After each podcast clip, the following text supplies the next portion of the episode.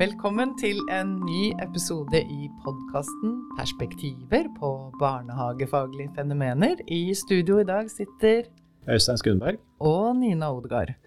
Og i dag så skal vi ha samtale med professor Biljana Fredriksen. Eh, Hun er professor i kunst og håndverk ved Fakultetet for humaniora, idrett og utdanningsvitenskap på Universitetet i Sørøst-Norge. Eh, Du har tilknytning til barnehagelærerutdanningen først og fremst, og jobber med både undervisning og forskning, og har eh, gitt ut to bøker som brukes mye, og en hel haug med artikler har jeg også sett. Eh, Gjennom ditt doktorgradsarbeid så har du forsket på barns læring gjennom lek med materialer, og skapende lek med naturmaterialer og barns samspill med naturen. Og under her også en god del om bærekraftsbegrepet.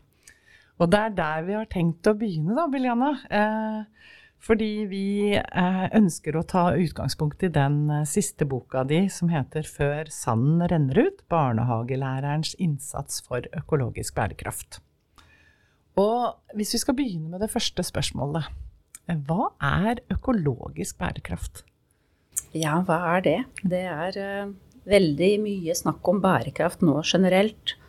Og da tenker jeg det er viktig at man eh, har liksom for seg litt forskjellige sider av dette begrepet. For de blir jo bare større og større ettersom flere og flere som forsker på det. Eh, man tenker jo ofte, man snakker om økonomisk bærekraft, eh, kulturell bærekraft, sosial bærekraft og så økologisk bærekraft. Jeg har prøvd å, fokusere mest på økologiske bærekraften, hvor jeg legger det helhetlige synet på mennesket som en del av sine omgivelser. Hvor jeg er opptatt av mennesker og mer enn mennesker, altså samspillet med andre levende vesener, men også samspillet med materiale, som du nevnte nå, som jeg har skrevet eh, doktorgrad om. Eh, hvordan er det vi forholder oss til våre omgivelser, til eh, skog og trær og bakken og, og dyr, og hvilken betydning det har for forståelse av både oss selv, men også da våre omgivelser som en del av oss, og vi en del av våre omgivelser. Um, det neste eh, spørsmålet er jo liksom um, eh, Dette dype engasjementet for dyr som du eh, viser. Jeg, jeg kjenner jo liksom at du har Du bor på en gård, du har lamaer og hest og et utrolig fint esel og katter og hund, tror jeg. Og du har jo liksom vist det gjennom også boka di, eh, at du har et veldig dypt engasjement for, eh, for dyr. Og du snakker om dette her med at eh, ja, Dette med at vi mennesker har tilpasset dyrene til våre behov gjennom all avl. Må jeg si om igjen. Gjennom avl. Og hva er det vi bør kjenne til om dette? Og, og så skriver du i en overskrift eh, at dyrene har noe eh, vi kan lære oss Altså samspill med dyrene kan lære noe om menneskene, da, eller om oss selv.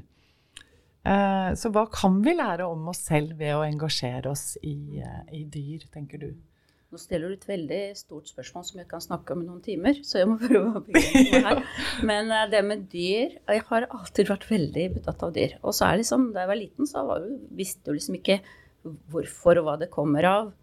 Uh, og så har jeg da uh, jobbet som lærer i barnehagelærerutdanningen og innenfor kunst og håndverk og var opptatt av en del andre ting, hvor dette med dyret vært som hobby og noe som jeg har da brent veldig for, og har stadig tett kontakt med ulike dyr. Men nå, endelig, for noen år siden, så har jeg sett at dette henger jo egentlig veldig godt sammen. Altså det å um, bli mer kjent med ikke eh, dyr som eh, hva skal jeg si, typedyr, hest og esel og alpakkaer, men med det enkelte individet og se på dem som subjekter som på mange måter som vi mennesker har sine egne følelser, preferanser, måter å forholde til, til sine omgivelser på. Uh, hvor jeg ser at de da i mange, og så veldig ofte, er mye mer oppmerksomme og til stede. Uh, så er liksom begynt å lese mer om bl.a. Uh, evolutionary aesthetics, Altså hvordan er det den nære forholdet til våre omgivelser, bruk av sansene, uh, med ikke så stor fokus på verbal uh, kommunikasjon, men mer på intersubjektivitet. Um, hvor viktig det er, da, ikke bare for mennesker, men for mange andre arter. Og så skjønner jeg nå at det egentlig er mye viktigere da, for en hest f.eks. å være oppmerksom på hvordan er bakken, er det bløtt, dette gjennom, skader jeg meg? Fordi de er ikke så beskytta som vi mennesker er. De kan ikke rigge legevakta liksom, og bare mm. brekke beina, så ja ja, så, så fikser de det. Hvis de er ville dyr, så er det så viktig for dem å være i tett samspill med sine omgivelser. Og så da for å kunne Og der er det jo enormt mye å lære. ikke sant? Uh, den sanselighet i forhold til endringen i naturen. I forhold til det spesielle været som er den enkelte dagen. Uh, eller klimaendringer. Og hvordan er det de tilpasser seg. Jeg tror også på samme måte som vi, vi mennesker også um, bør være mer oppmerksomme. Både pga. klimaendringene, som betyr veldig mye for vår måte å, å leve på, men også andre veien at det er vi som bidrar til eller påvirker hvordan verden er og kan bli. Mm. I, den, forlengelsen av det du, det du sier nå, så eh, jeg har lyst til å spørre om et begrep som, som du bruker i boka, antroposentrisme. Mm. Hva, det, ligger, altså det er litt sånn Det kan være litt selvforklarende, men på den annen side, hva, hva ligger i det? Det har jo blitt brukt på en måte mer og mer i bl.a. i pedagogikk. Eh, hva, du, hva, legger du i det når du bruker det, og, og hvordan kan vi bruke det liksom, til å forstå hva slags posisjon mennesket har i verden? Så det er jo fremmedord da, som er eh, det klart Man bruker jo mange fremmedord på, på, norsk da, i forskjellige fag. Altså, oversatt til norsk blir jo menneskesentrert. Og det, det, er jo ikke noe rart at uh, man er en Når du er et menneske, så tenker du som et menneske ut ifra deg selv. Og det er jo også um, hva skal jeg si, inn i, våre, i de kulturelle rammene vi lever innafor, så er det allmenn forstått at mennesker er annerledes enn andre dyr. Eller faktisk så snakker vi jo sjelden om andre dyr. Det blir jo rart å si da, mennesker og andre dyr. Mm. For det sier man at mennesker er dyr. Bare der ligger det en eh, slags provokasjon i forhold til det menneskesentrerte. Ja, men vi er jo ikke så ulike andre dyr. Men vi vil jo gjerne det, for vi vil skille oss ut. Vi vil vi på en måte uh, står fram som uh, på toppen av uh, Næringskjeden? Ikke sant? Ja. At det er vi som da har jo mange ordtak og, og, språk i begreper som bygger på det at vi er annerledes enn en dyr. Vi kan snakke, vi kan kommunisere, vi kan oppføre oss, vi kan um, utvikle kunnskap osv. Men samtidig så alt dette er som vi er så stolt av som mennesker. Eh, kan også gjøre at vi blir for eh, hva skal jeg si, egosentriske, altså menneskesentrerte, rett og slett.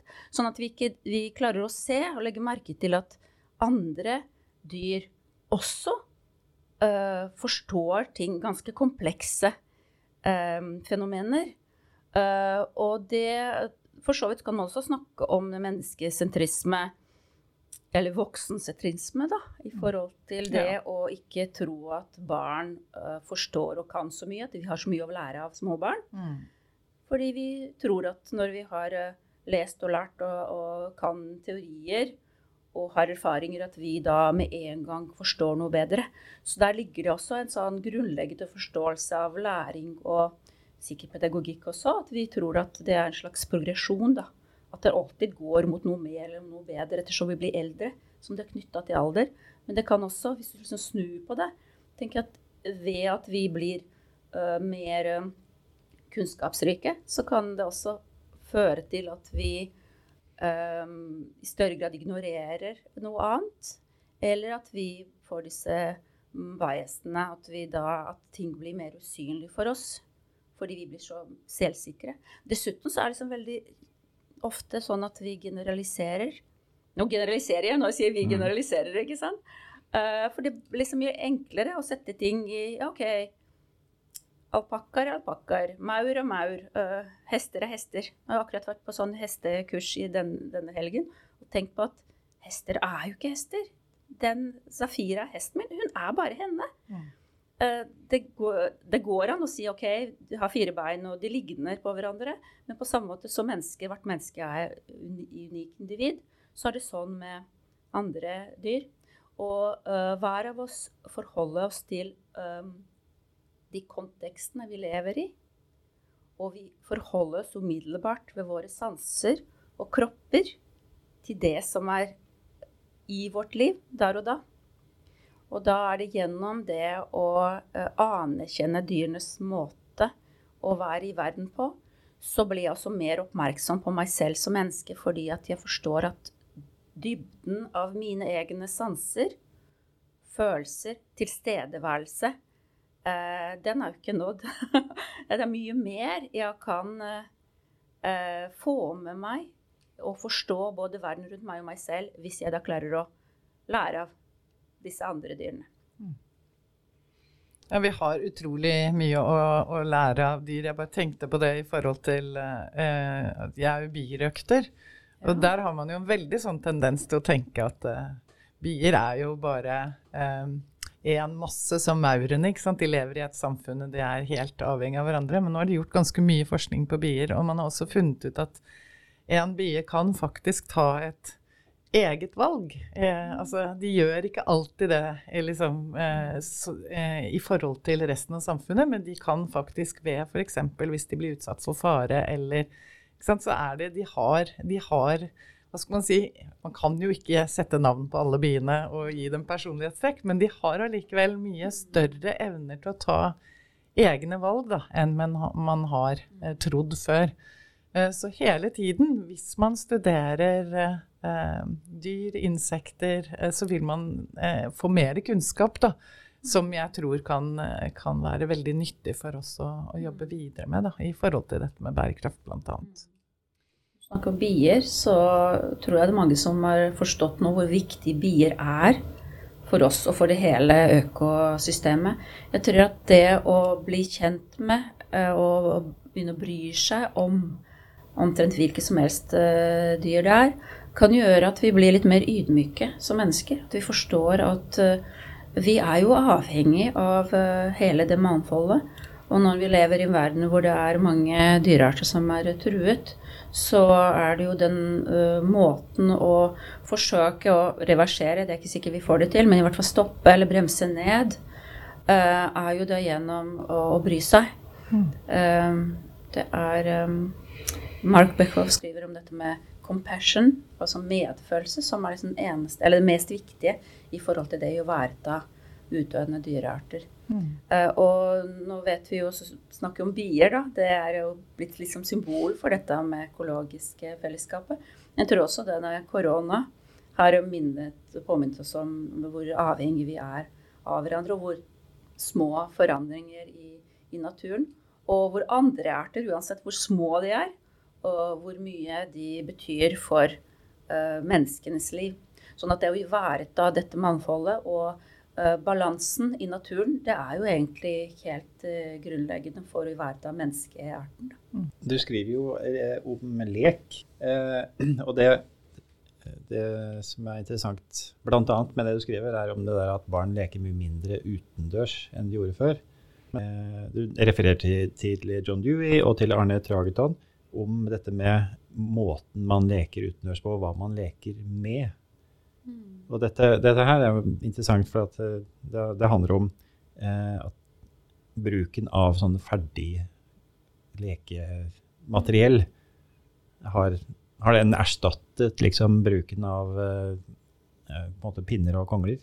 Mm. Eh, er, det, er, det, sånn at ikke bare leker barn mindre utendørs, men det leker også med mer sånn ferdig snekrede jeg har eh, ikke selv forsket på uh, statistisk uh, hvor mange som leker ute, hvordan de leker. Det er liksom refererer til andre som har forsket på det. Men mitt fokus er på å prøve å, forstå hvorfor er det da viktig å leke ute. Mm. og med materialer og hva skal jeg si leke, barn, Det barn leker med som ikke er laget som leker.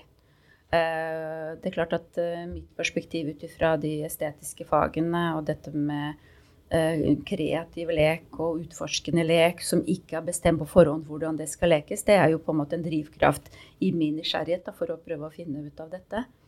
For jeg har jo sett av min egen sønn da, som da lekte med steiner og med pinner og med kongler, og jeg ser at disse pinnene kan jo bli hva som helst i leken. Mm.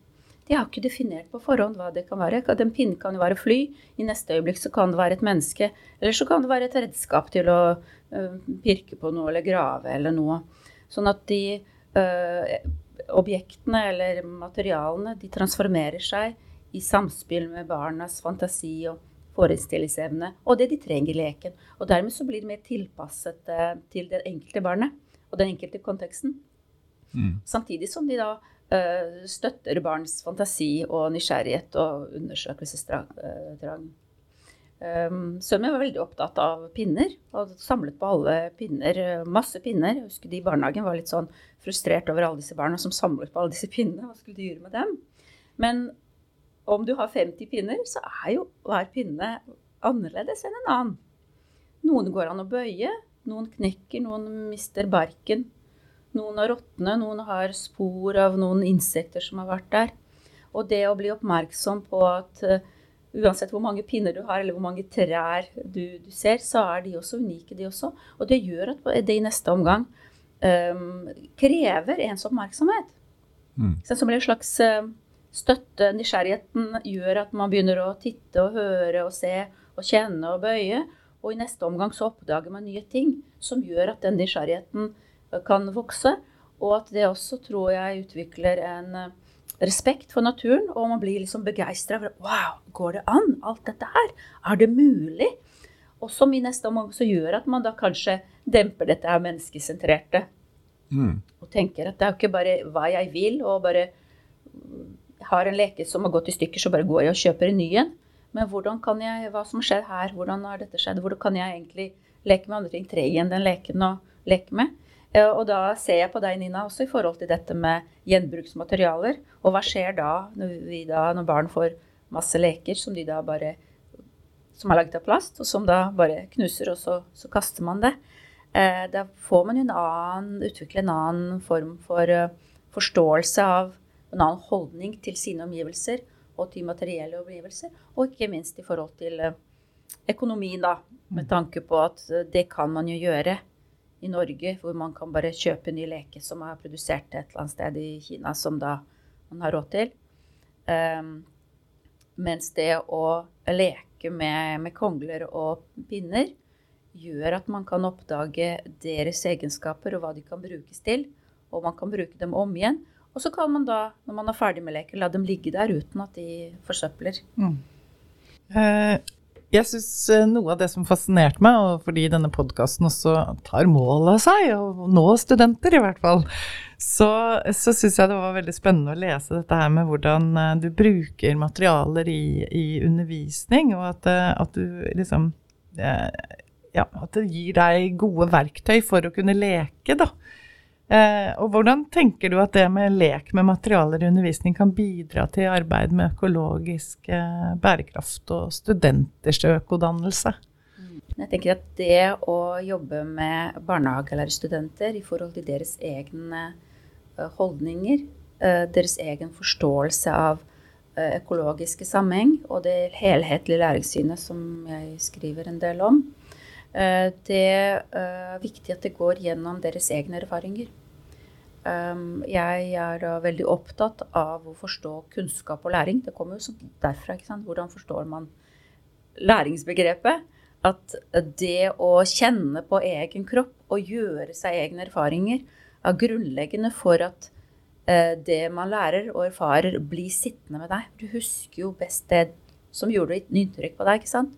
kontra det å uh, lese. Og hvis man ikke kan knytte det til noen egne erfaringer, Eh, det blir vanskeligere. Så jeg tenker at det er viktig at studentene får uh, utviklet sin egen forståelse i, nær, i, nært samspill med materialer.